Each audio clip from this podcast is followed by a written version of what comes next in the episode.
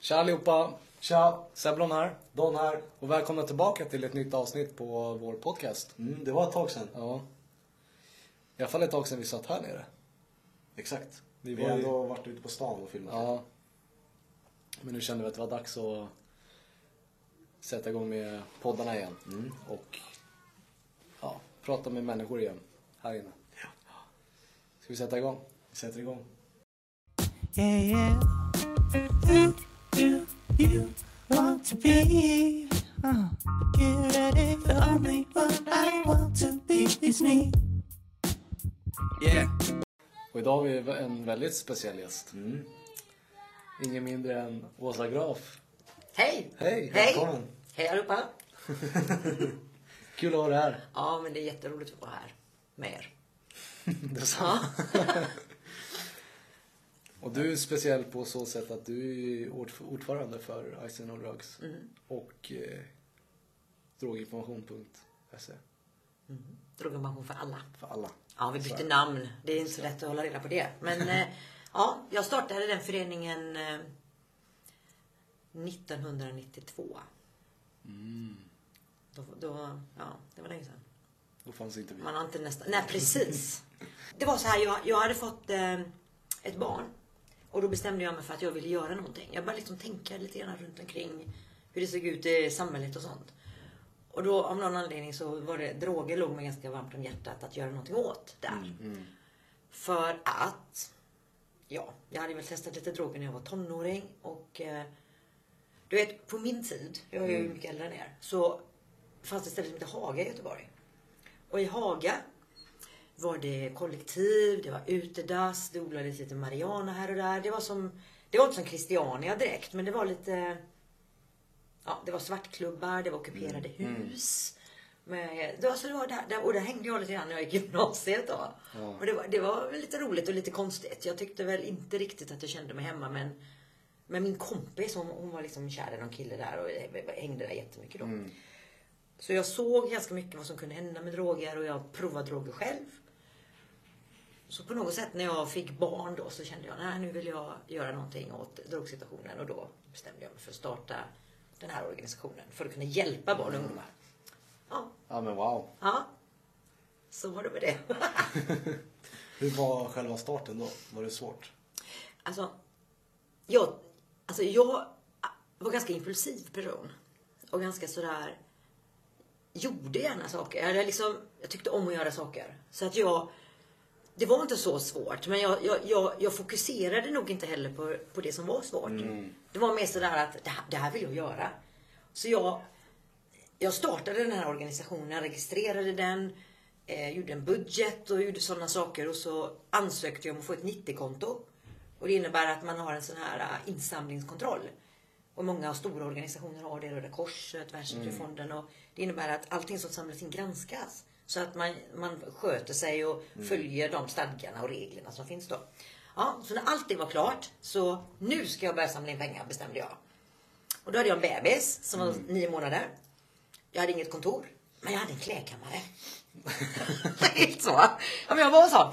Så jag bestämde mig, jag inredde min klädkammare till en, ett kontor. Så jag gjorde det kontoret, jag hade liksom en skiva så, hyllor där uppe, väl ingen dörr, en dörr bakom, inga fönster. Drog in en telefon, det fanns inga mobiler på den tiden.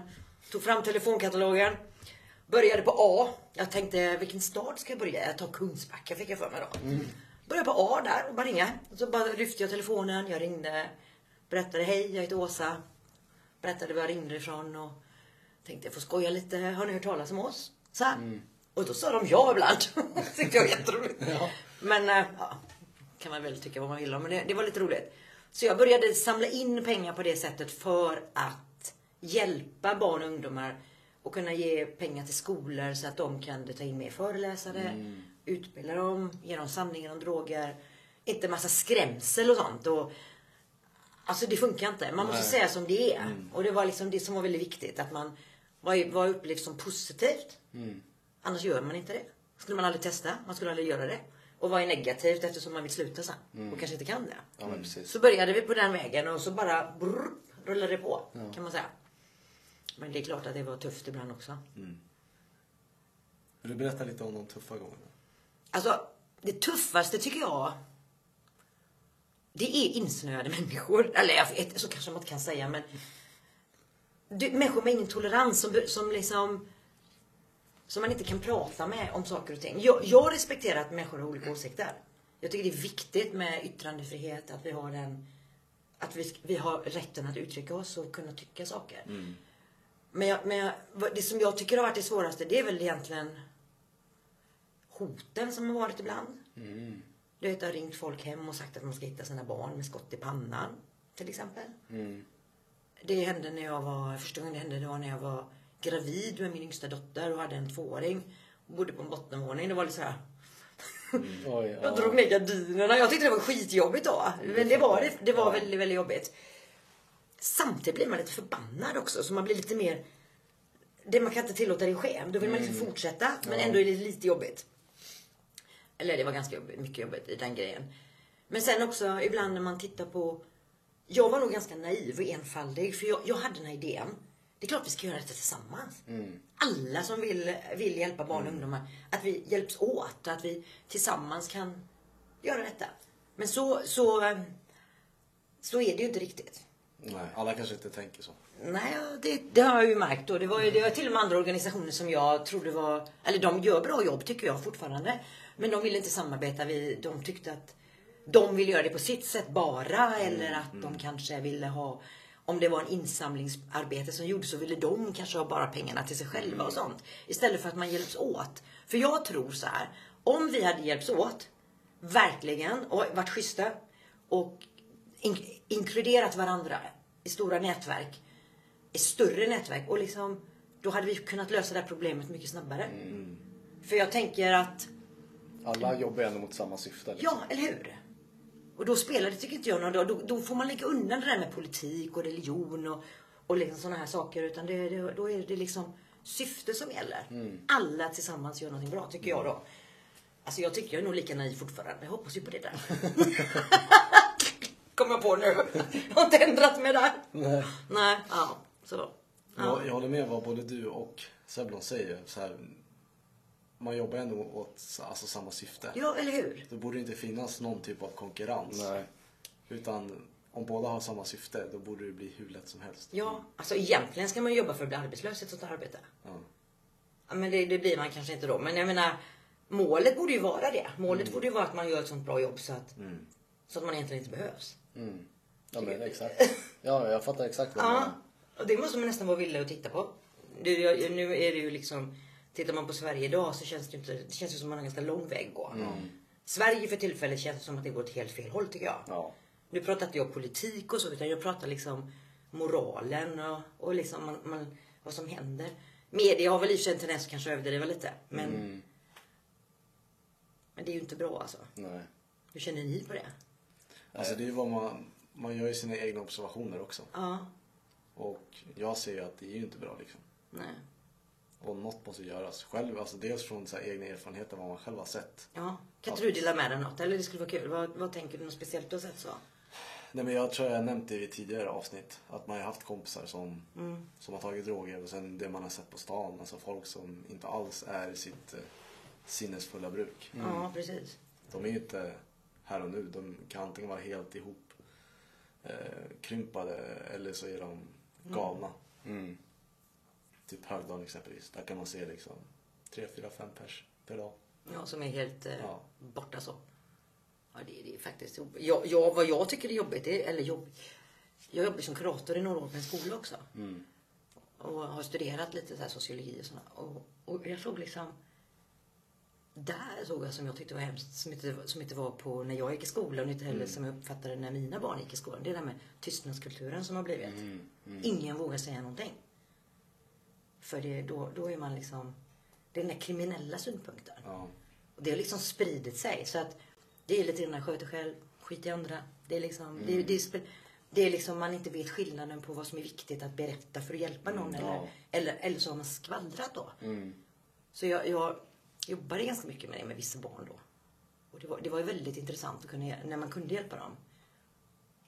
Och de, de var jätteoroliga.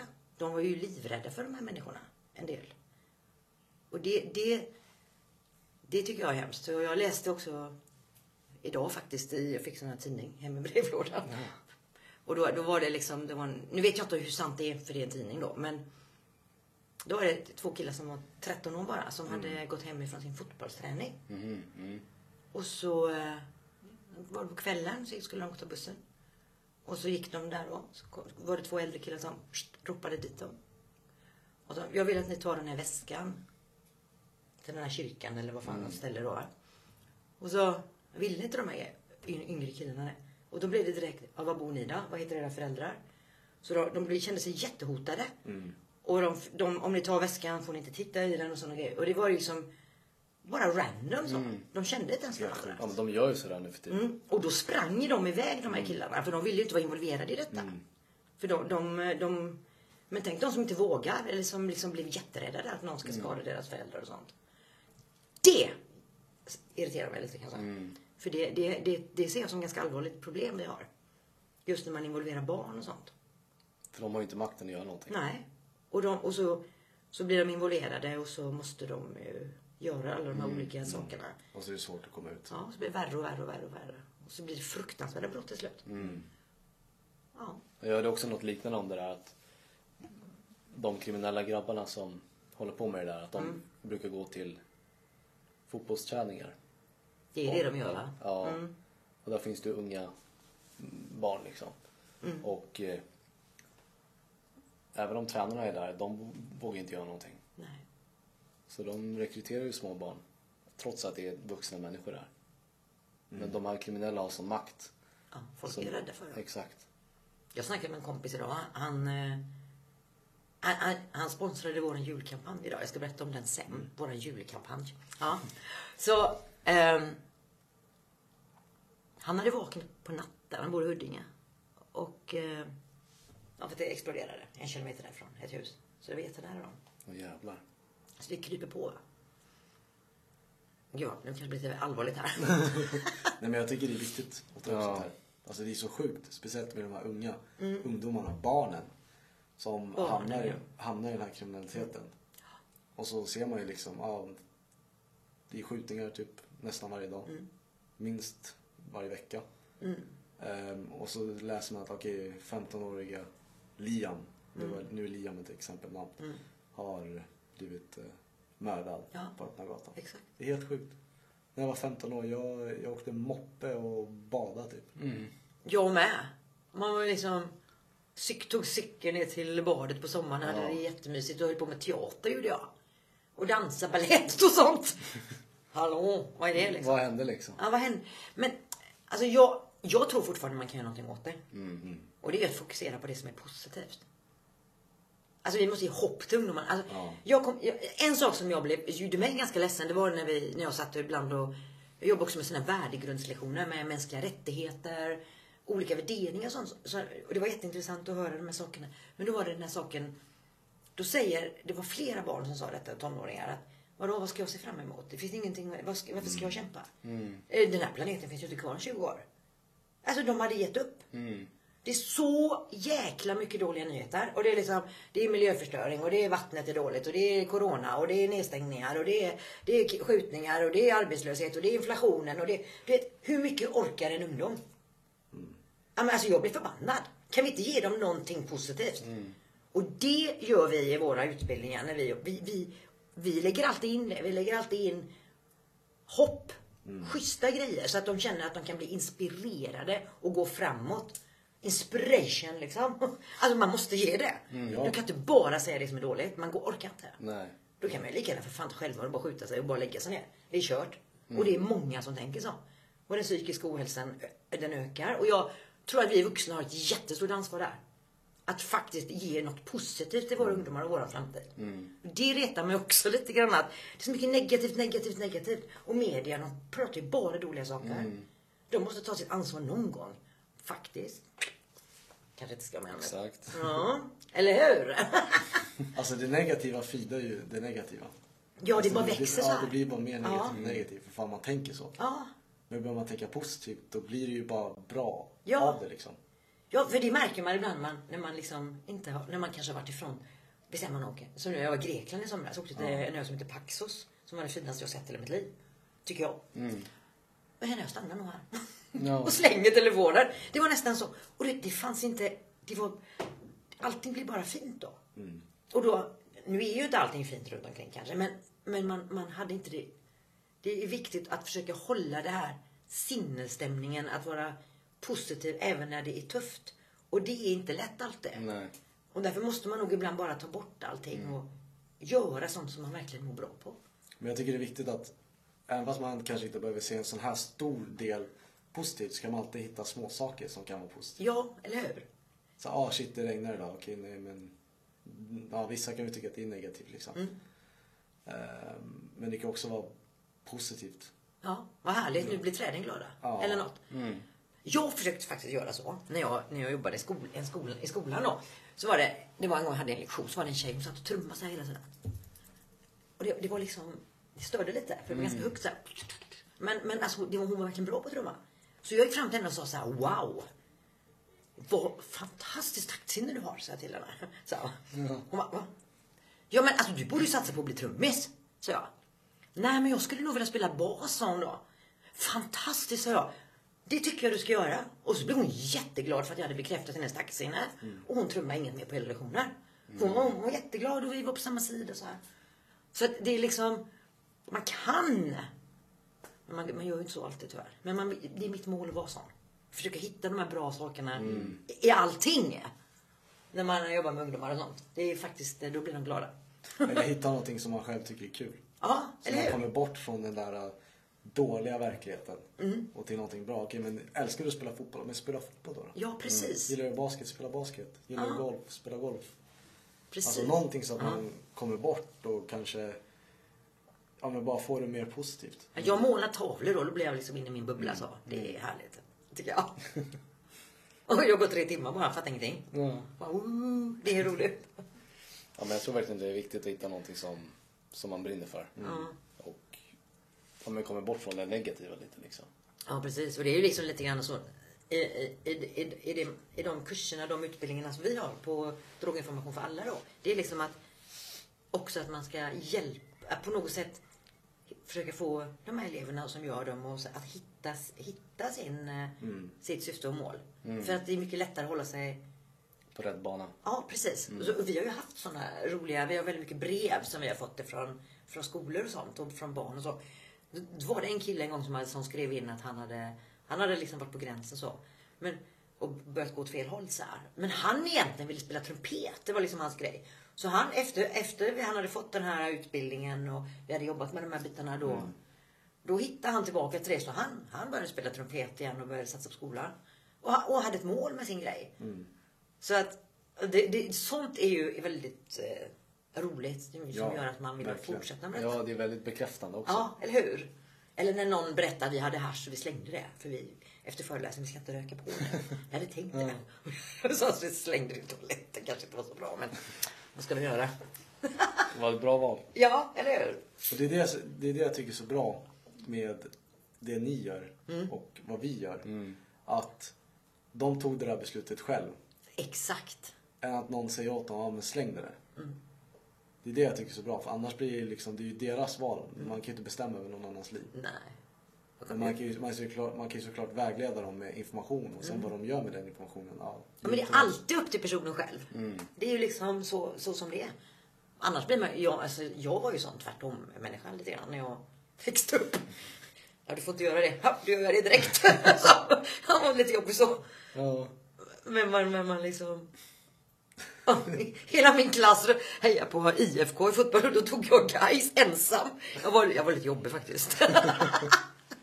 så liksom... På något sätt, jag vet inte, det var väldigt viktigt. Jag måste, jag måste göra min grej så här. Och jag tror att det är därför som det är som du säger, det måste vara eget beslut. Och därför måste man tillhandahålla rätt information. Så man kan ta ett eget beslut. Resten är ganska ointressant. Mm, faktiskt. De flesta är ju smarta och tar bra beslut. Och det är ju ganska bra med Sverige. Vi ligger ju, jag, jag, jag, tror, jag, jag tror att vi ligger femte nedifrån när det kommer till eh, mellan 15 och 16-åringar som testar narkotika eller cannabis framförallt. Så vi ligger ganska bra på det ändå i Sverige. Men den, det är den kriminella grejen som är värre här. Men att ungdomar röker mindre här, röker på mindre och sånt, det är ju bra. Ja, verkligen. Om man jämför med till exempel Tjeckien, där är det över 40 procent. Oj, som så pass. Det är jävligt. Här ligger vi på runt sju tror jag. Alltså det kan diffa lite på siffrorna men ungefär. Mm. 7 procent är niondeklassare här. Så över 40 tjecker. Niondeklassare. Ja. Åh, Det är, alltså, du, har du va- jag var i Prag. Vi brukar vara där och föreläsa. Ja. För poliser och sånt. En gång om året. Vi utbildar dem i hur man håller föreläsningar till ungdomar då. Så, så eh, gick, tar man promenad in i stan där i, i Prag. Det är ju butiker överallt med Mm. cannabis, kokain och sånt. Fast det är ju liksom branding eller marknadsföring. Det är inte äkta kokain och så men det smakar som det liksom. Och, Jaha, och cannabis och så här, T- CBD och sånt. Lite pytte THC kanske men det blir så normaliserat då. Som att det, det är lite som mjölk nästan. Det är som när vi skulle arla. Glassen Ja, så. sjukt. så här, ben och Jerry så. Ja, Cannabisglass så. Det är liksom det är på det sättet då. en egen hylla liksom. Ja, massa hyllor. Så var det lite Hela i- butiker. i Italien också när jag var där. Ja. Eh, För typ två, tre veckor sedan. Och eh, jag visste inte om att det... Jag vet fortfarande, jag är lite osäker på ifall det är legaliserat där nere. Eh, Då var jag i Rom. Och då gick jag på, på gatan då, turistade lite. Så bara känner jag lukten av marijuana. Ja. Jag bara shit, jaha okej, ja men det har man gjort här i Stockholm också även fast det är liksom olagligt. Ehm, och sen började jag se lite typ så här coffeeshops. Um, vad heter de här vending machines, vad heter det på svenska? Varuautomat. Ja, varuautomater. Såna, ja. Ja. Jag har sett Helt såna så här i Prag också hade de ja. det. Typ det är öppet 24-7. Alltså jag tror ju att vi förlorar den, eh, den. Jag tror ju att det kommer att bli legaliserat för det är så stora pengaintressen bakom. Ja, du tror det i Sverige? Jag vet inte i Sverige men jag tror att det kommer bli det på de flesta ställena. Faktiskt. Och ehm, det är ju alltid så följ pengarna. Ja, men så är det. Och om man jämför då liksom vem, vem har mest pengar att marknadsföra sig här? Liksom vi då, eller andra organisationer som är med ideella krafter som jobbar för våra barn och ungdomars framtid. Eller de som har stora, läkemedel, eller stora företag i ryggen som liksom tobaksbolagen och kanske vissa, vissa alkoholbolag. Och, jag är inte säker men jag tror det är vissa, läke, vissa läkemedelsföretag som ligger bakom och, och kör den här grejen. De, de, de omsätter ju så mycket pengar så att vi har ju liksom Vi har ju typ ingen chans. Nej, det är ju som att springa runt med flugsmäll ett hönshus. Bing, bing, bing, bing, bing. Nej, men... lite så. Ja, men det är ju... Ja, men det är liksom lite, det är liksom lite olika förutsättningar så. Det är lite, men, men eh, det är därför jag tror att det är extra viktigt att man går ihop alla. Organisera sig på ett bättre sätt så man kan liksom förebygga droger. Att de får kunna sanningen om det. Även om det skulle vara legaliserat. Jag menar man pratar jämför alkohol och man, man jämför marijuana och sånt men fan alkohol är inte så jävla bra heller. Nej. Men man måste kunna informera om det. Så sanningen kommer fram liksom, tycker jag. Men jag har tänkt på just den här teorin om att ifall det skulle legaliserat i Sverige. Mm. När jag har pratat med vänner och sånt där. Och ifall det skulle bli att det blir monopol på det. Att staten äter, äger det precis som Alkohol. Systembolaget Ja. exempelvis. Mm. Eh, Det blir statligt och ehm, staten för in en viss mängd som man får eh, bruka varje Mm. vecka eller varje månad. Ehm, och och eh, en viss mängd. Då har jag frågat dem, men tror inte du att kriminaliteten kommer fortsätta då? Att de kriminella gängen kanske får fram, vi ser ifall det bara är marijuana som legaliseras. Mm. Då kommer ju väl de andra drogerna fortfarande kvarstå. Ja, alltså de kriminella, det är ju ett, det är ett synsätt. Ett- Det är ju ett sätt av hur man är. Mm. Så jag tror inte att en kriminell människa kommer att kunna någon slags blomsteraffär eller något. Nej. Så här, Nej. ja, fina jag har lite tulpaner här idag och sånt. Nej men det kommer de inte göra va. Mm. Så att, så att, eh, alltså jag har inte källan till detta jag säger nu exakt men jag hör, det var, jag pratade med någon som jobbar med mänskliga rättigheter och så. Och problemet är ju att trafficking ökar väldigt mycket. Mm. Så att de kriminella kommer ju hitta andra grejer att göra Och tjäna pengar på. Och tjäna pengar på. De kommer ju inte sluta tjäna pengar. Nej. För de är ju, det är ju det, de, det, är ju det enda de bryr sig om. Mm. De tjänar ju, de tjänar ju pengar på vad som helst. De säljer ju människor, de säljer barn. De har ju sexhandel, de har ju allting här. Och det är okej, vi förlorar detta på cannabis. Men de kommer ju sälja svart cannabis ändå. Ja. Billigare än apoteket, typ. Alltså, Högre styrka, bla bla. ja, som svart alkohol eller som svarta cigaretter. Alltså det, det är inte så att det kommer liksom bli... Nej, jag tror inte det kommer Vi kommer inte få bort kriminaliteten på grund av att legalisera allt som är olagligt. Ska vi legalisera allt som är olagligt då? Då så har vi en kriminalitet. Wow! Alltså det är ju helt bedrövligt. Ja men då tycker jag vi legaliserar barnhandel och allting. Nej, vi kan inte, man kan inte legalisera Nej. med det argumentet. Nej. Man kanske kan ha ett annat argument. Men inte det argumentet. Tycker, ty, det köper inte jag. ja, vi har problem här med knivhuggning. Det är olagligt.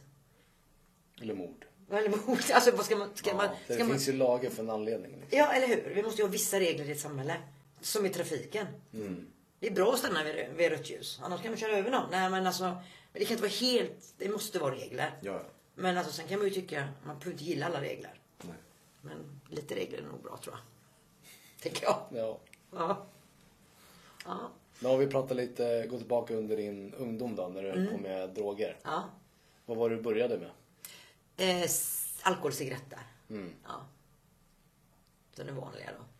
Jag tog inte så himla mycket droger men eh, jag var ganska sen på det för jag, jag var det var också det som var väldigt konstigt. Jag var, jag var ganska målinriktad. Jag skulle bli skådespelare. Och jag gick och dansade jazzbalett flera gånger i veckan. Gick på teater flera gånger i veckan. Eh, sjöng och höll på så här. Och vi hade teater i skolan och så. Så jag hade liksom inte tid att utfesta och sånt. Jag, jag, jag körde varje dag med mina grejer för jag hade så jävla kul med mina kompisar. Sen började jag gymnasiet. Alltså jag hade ju druckit någon gång i nian och så. Sen började gymnasiet. Och så, ja. Fel kompisar faktiskt. Jag blev ihop med en kille som så började jag dricka med honom lite grann och det blev lite tjafs. Vi var ihop några år. Jag började må lite dåligt. Jag såg inte det då varför. Blev en kompis till mig. Hon hade också lite kontakter. Och I det här med att berätta med Haga där. Där blev det. Så att jag. Första gången jag räckte på det var. Det var efter ettan på gymnasiet. På mids, midsommardagen. Då hade jag och min kille varit på fest. Ute på Brännö i Göteborg. Ja, vi hade varit ganska fulla. Ovänner som fan. Sitter där och så kommer killens kompis brorsa då. Fram med en joint och säger fan jag tar den. Jag, så jävla, jag mådde så dåligt. Jag mådde, så- det här kanske blir skönt. Kände nästan ingenting förvisso. Men då, var, då hade jag gått över gränsen liksom. Och börjat med narkotika. Så, så eh, ja, sen så gjorde jag det ibland i gymnasiet, i tvåan och trean och sen året efter också. Men sen så slutade jag efter, slut, bestämde jag mig för att lägga ner det efter ett tag. Men det var inte så att jag rökte varje dag, men jag gjorde det då och då. Hade väl lite, det var inte så himla kul. Jag fattar egentligen inte varför jag gjorde det, för det var inte jätteroligt. Nej. Det var lite jobbigt. En gång fick jag faktiskt en jättejobbig upplevelse. Vad var det då? Ehm, jag var, vi var på en fest. Eh, på en, det var en nyårsafton. Och vi var sån här rivningshus. Så det var helt tomt i huset. På den värsta festen. Mm. Skitmycket folk. Så går jag dit med en kille. En annan kille. Detta är... Fan, jag kommer inte ihåg. Jag är 20, ja, just det. Jag är 20 år då. Och så, eh, så får jag en joint till hascholja. Och den är väldigt stark. Mm. Så jag fick ju såna jäkla hallisar och eh, tappade liksom verklighetsuppfattningen. Och, och fick massa hallucinationer och grejer. Och trodde saker som inte var liksom, jag blev paranoid. Ja. Och grejer som inte var där. Så jag var tvungen att rusa ifrån festen. För jag kom på att alla människor är onda. Jag kunde se bakom, igenom alla mas Alla hade masker på sig. Helt koko blev jag. Springer iväg. Han blev också lite konstig. Så vi var lite konstiga tillsammans där. Men till slut kommer vi hem, hem då till hans... Han bodde hemma hos sina föräldrar. Kommer vi hem, de, har, de har gäster. Mycket pinsamt, men det fattar ju inte vi. Låser in oss på toaletten. Är helt hysteriska för vi, nu är vi jagade nämligen. Så vi har liksom gömt oss där då. Och de undrar ju, det är ju pinsamt. De har ju gäster, middagsgäster på nyårsafton. Nu kommer vi in som två galenpannor bara in i toaletten och bara så här. Och sen då det blir lite värre. Ja, sen så... eh, Ja, ja, så låser vi in oss igen. Så, kom, så kommer vi ut toaletten i alla fall. In i hans rum då. Ska vi vara där. Och då... Och då... eh, Ja, så... eh, Han bor på sjunde våningen i sån här höghus då. Mm. Och då börjar jag må jätteilla. Så jag hänger ut där. Från fönstret. Från fönstret. Jättelångt ut. Så det... Och har sån här konstig verklighetsuppfattning. Så jag tycker att jag ser marken jättenära. För jag kräktes ner där. Sju våningar ner. Hängde där och spydde. Ja men det var ju jätte... Jag kunde ramlat ner. Men det gjorde jag inte som tur var. Ja, ja. så det var väl en sån där äh, väldigt jobbig upplevelse jag hade på... För att allting blev så... Mina sinnesintryck blev så förstärkta. Så jag hörde människor som, innan vi hade kommit hem och gömt oss på toaletten, då hade jag hört, då hörde jag steg så här. Och jag trodde att det var nazister som kom en hel armé. Och så var det tre personer som gick förbi bara med vanliga skor. What? Jävlar. Så det var liksom, allting blev så här otroligt förstärkt intrycken. Så det var ju faktiskt, det var ganska obehagligt Ja, att vara med om den grejen faktiskt. Ja. Shit. Ja. Jävlar, ja. Alltså jag berättade ju inte det heller. Jag, var, jag, jag hade ju klätt av mig också så jag var helt naken hängde genom fönstret. Men det sa jag inte. Men glömde den Jag glömde den detaljen. Hajar eller? Okej, kom jag. Oh. Nej men det var, men då var jag ung. jag var rätt Ung och dum. ung och dum ja. Nej men det är faktiskt väldigt, eh, det fick ju väl mig att tänka till lite grann också. Men inte tillräckligt för att jag, jag gjorde några gånger till efteråt. Efter några dagar så. Men eh, det kommer en punkt, nej nu får det räcka. Vad var det för punkt då? Jag bara kände att det... Jag gick på teaterskola efter gymnasiet i Skara och då... Det var någon gång då och där. Det var inte så att det hände något speciellt. Jag kände bara att det är inte jag, jag vill inte hålla på med det här. Mm. Tyckte... För jag hade, jag hade då jag hade en kompis som hade såna här marijuanafrön. Som vi odlade som planta. Så jag hade en planta i mitt, jag hade en planta då när jag gick på teaterskolan. Det fick man inte ha. Och jag tänkte...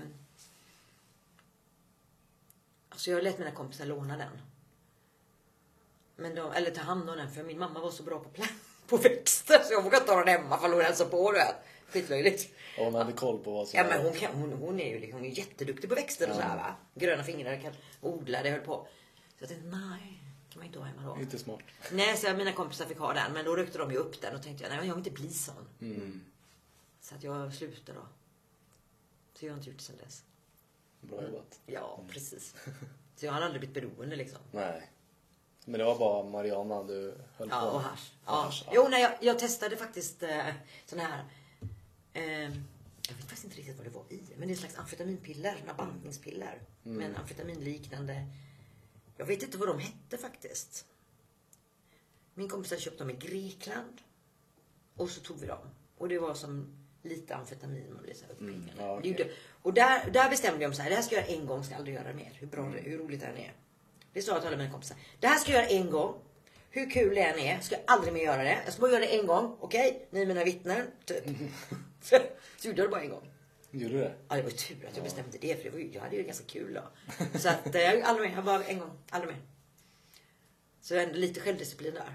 Ja, det var bra. blir bra. Har vi den självdisciplinen sen? Jag tycker jag har det. Säker? Ja. Så hur många gånger har du sagt det här är sista dosan? Alltså med, det, med godis har man ju inte det. Nej, Eller? nu, ja, nu, Lakrits! Nu är det kört. Lakrits.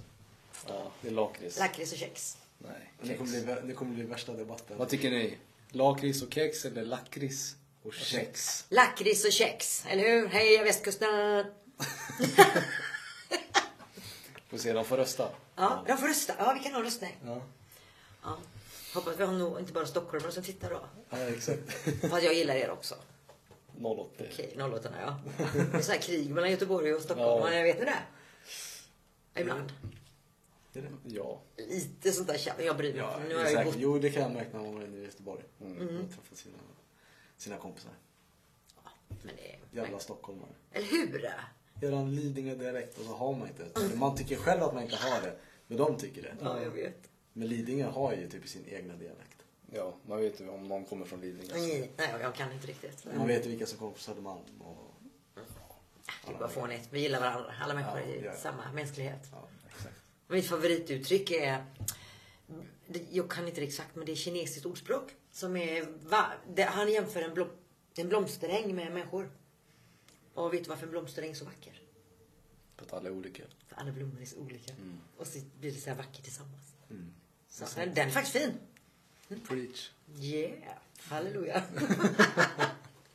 Du, du nämnde något innan eh, vi började spela in här. Ja. Eh, cirkus. Just det. Ja, alltså vi har ju haft några roliga grejer på, på droginformation för alla. Och det var när vi fyllde 10 år till exempel.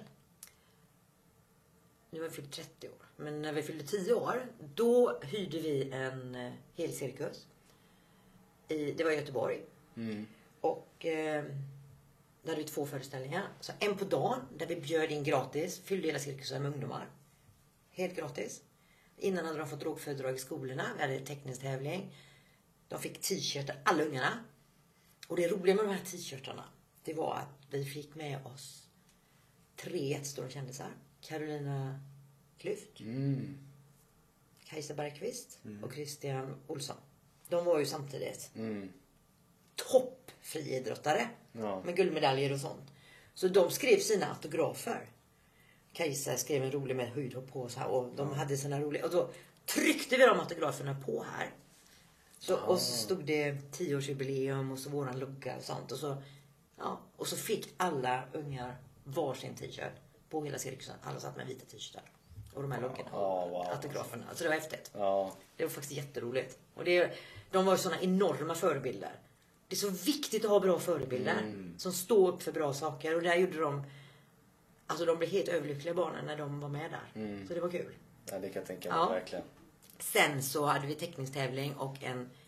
Jag tror det var novell, det var så länge sedan nu. Men då vann de eh, pengar till sin skolresa också. Så då fick de komma ner i manér i mitten på cirkusar. Mm. Höll på att stå check så här. Fick de det. Så. Det var jättekul. Ja. Ja, så det var roligt. Ja. Och sen på kvällen hade vi fö- föreställning som vi sålde biljetter som gick till förebyggande arbete då. Ja. Det var kul. Med tanke på positivitet. Mm. Ja, eller hur? Det var jättepositivt. Vi hade mycket sånt ett tag. Vi hade också eh, i Nordstan i Göteborg stora utställningar. Eller på köpcenter och sånt. Där vi där folk, ibland var det kändisar som var med och eh, liksom, skrev autografer eller pratade med barnen och sådana saker. Och det, då, det, det betyder så mycket för barn när de kan få en positiv förebild. Har vi sett. Det ska vi börja med med, komma på. Ja, alltså, man, man ser ju upp till sin förebild så extremt Ja, mycket. eller hur? Men man ser ju det, det är köer. Jag menar, Ja. de kan stå för något bra. Så att hittar man bra förebilder som ungdomar kan se upp till så, och barn ser upp till så, så kan Det kommer hjälpa Det hjälper mycket. jättemycket. Ja. Ha, vad hade ni för förebilder förresten? Hade ni några? Alltså när jag var yngre eller? Ja, eller nu kanske till och Ja, med. nu. Uh, Seb, du är min förebild. du är min. Ja, men Nej men. Det eh, tror inte jag på. Jo, det kan det vara. Jo, men det kan det vara. Jag ska inte nedvärdera det. Förlåt. Gissa vem jag hade när jag var jätteliten då? Fem år. Vem tror ni var min förebild då? Svensk eller? Mm. Jag tror ni kan gissa. Första bokstaven. Det blir jättelätt. Det är en tjej. En tjej. Okej. Carola. Nio. P börjar namnet på. Petra Marklund. Pippi Långstrump. Ja. Världens starkaste tjej. alltså det var ju fantastiskt. Så att eh, det var min förebild. Hon var rättvis. Som Pippi Långstrump. Ja men hon var ju schysst. Ja. Hon var ju rättvist. Hon var schysst. Hon stod upp för vad som var rätt. Hon var stark. Hon var modig. Så att, eh, ja, jag kommer ihåg, jag gråta när hon inte fann, när den sista avsnittet på TV gick. Så det var, mitt liv är förstört. Jag tror det är, må- det är nog riktigt många som har henne som förebild. Jag vet ju om att hon har blivit jättestor, alltså utomlands och allt Ja, sånt också. hon är häftig tycker jag. Ja. Och att hon fortfarande liksom lever kvar på de här, vad heter det, ja men typ, jag vet inte, vad fan, vad heter det där stället man kan gå till? Alltså, det, det, alltså Lindens ja, värld. ja, exakt. Ja. Vi, alltså, jag, ser, jag får ju upp det där på reklam ibland. På typ somrarna. Att, att det fortfarande liksom är kvar. Och vi, vi såg ändå henne när vi var Mm, barn. ja, ja. liksom. Det var ju våran uppväxt. Hon gick faktiskt på samma teaterskola som Inger Nilsson, ett, fast året innan.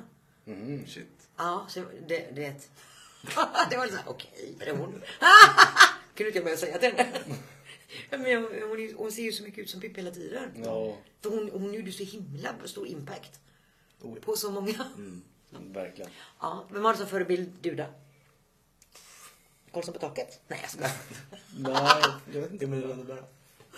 Bara med massa Astrid Lindgrens karaktärer. Ja, jag vet inte. Fan. Det är svårt det där. Man kan ha många. Ja. Egenskaper kanske lättare, vad man tycker är bra. Tänker jag. Ja men positiv. Ja. Mm. Eh, Integritet. Mm. Jag gillar rättvisa. Att man stå, kan stå upp för det man tycker. På ett schysst sätt. Det gillar jag också. Det var lite svårt för orättvisor. Jag gillar inte det. Nej. Jag får på det. Ja, det är nog ingen som gillar det. Nej, visst är det hemskt? Mm. Men finns mycket coolt. Ja, jag noterade en grej du sa lite tidigare. Mm. Du pratade om att ja, men när du började gymnasiet Ja, så hamnade du i lite fel kretsar. ja, Och det var ändå där det började liksom. Mm. Att du började röka på. ja, exakt. Skulle du säga att det är viktigt att välja rätt umgänge? Ja, otroligt viktigt tycker jag. För vad jag inte... Du vet, det finns ju de här människorna som är, verkar schyssta. Som, s- du- som är smilfinkarna som lismar. Som, ja, som, som egentligen hugger en i ryggen. Eller som, som slipar ner den på något sätt. Som verkar som var så jäkla bra vänner. Jag upplevde att jag hade lite sådana människor omkring mig.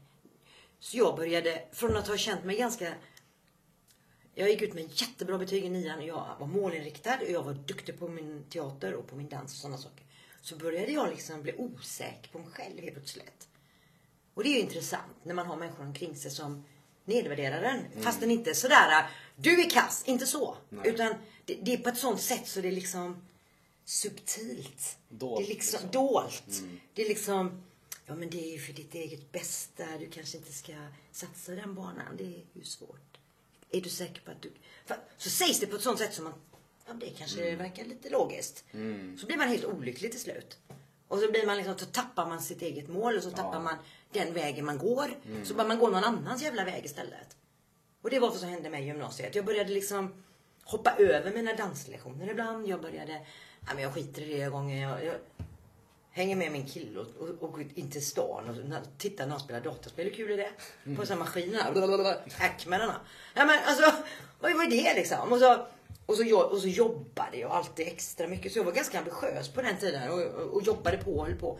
Ja, nej, då tyckte han att du jobbar för mycket ibland. Alltså det blev, det, det blev aldrig bra. Och jag, jag såg det inte när jag var mitt i det. Så det, det var som att man, man började gå fel, fel, fel håll. Så bröt man sin integritet och så var man inte trogen mot sitt mål. Så tog man en annan väg och så, okej okay, jag så och så och så bara. Och sen så helt plötsligt bara satt man och rökte på. Hur kul var det egentligen? Jag tror också att man, man blir så blind i det också. Ja. Så att man blir inte medveten om vad som händer förrän det kanske är för sent. Nej, Eller precis. Och så, för långt. exakt, och så är man så mycket med de personerna. För jag hade ju en annan grupp med människor som, som tyckte jag var bra på teater. Jag hade folk som jobbade på Stadsteatern i Göteborg, på Backateatern i Göteborg, som hjälpte mig med scenprover. De liksom supportade mig. Men på något sätt så fastnade jag i det här. Så jag trodde nästan inte på dem när de sa att jag var duktig. Eller var bra. Så jag, jag gick ifrån den grejen. Jag hade liksom ingen... Jag vet det var som, det blir som man, som klister på allt. Ja, Men jag, jag, jag, det kom en punkt där jag såg det. Men det var ju liksom ganska lång tid efter om man säger så. Ja. Men det där, jag tycker det är så viktigt att, eh, att vara hos folk som lyfter upp en. Ja, det finns inget viktigare. Eller det kanske det gör, ett av dem. ja men det är absolut Det- det är en av de viktigaste. Ja, det är det. Och speciellt ifall man typ har samma syfte. Mm. Då blir ju allt så mycket roligare. Ja, det blir ju det.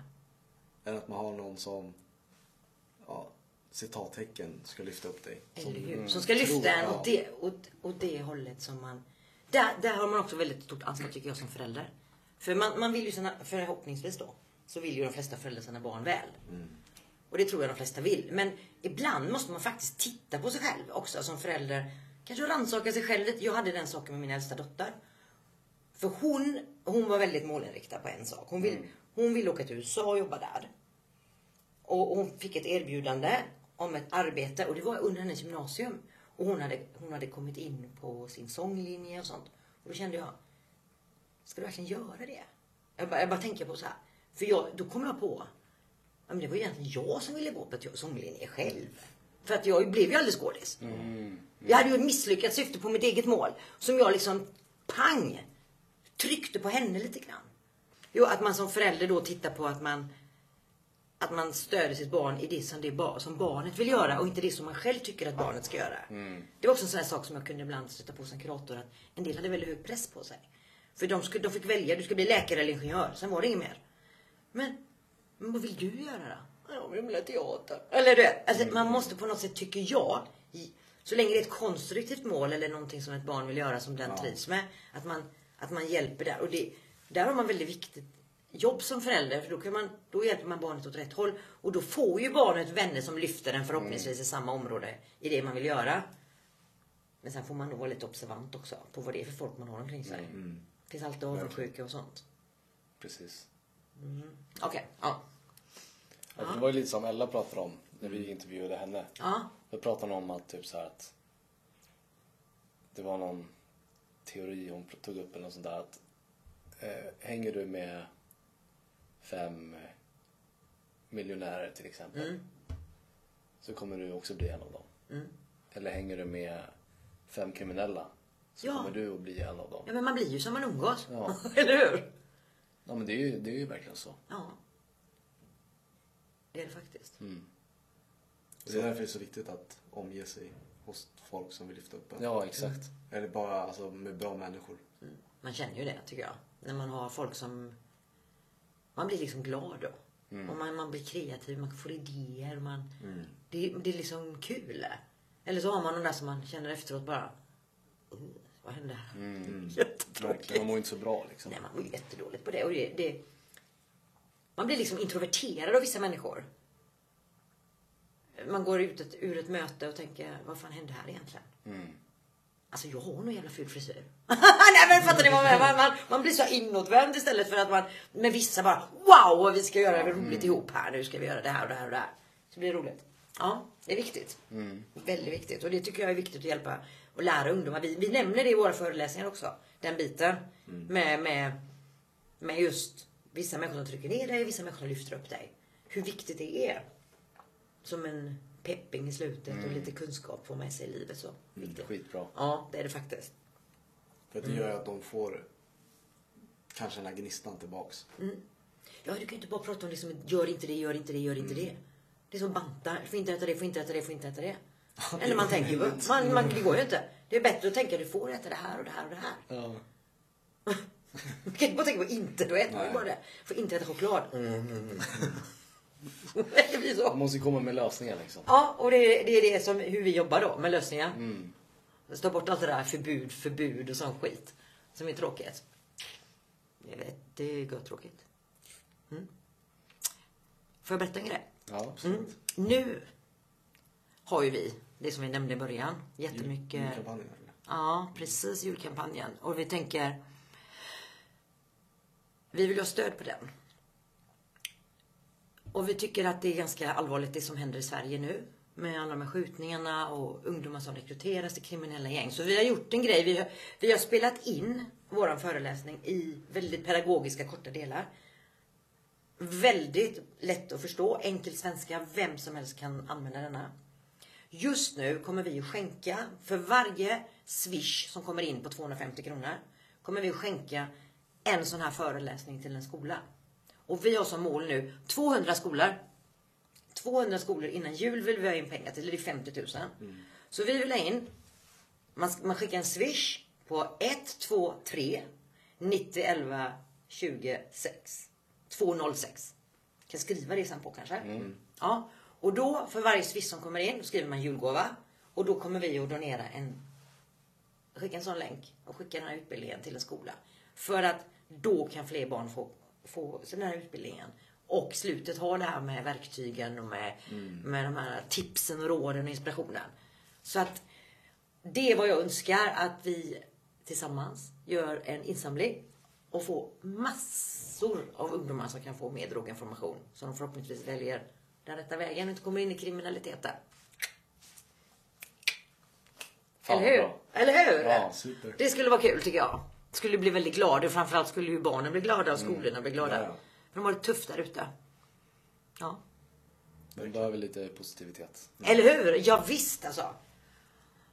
Så det är tur, att, tur att vi finns. Mm, det är tur att vi finns. Tack för att ni lyssnade.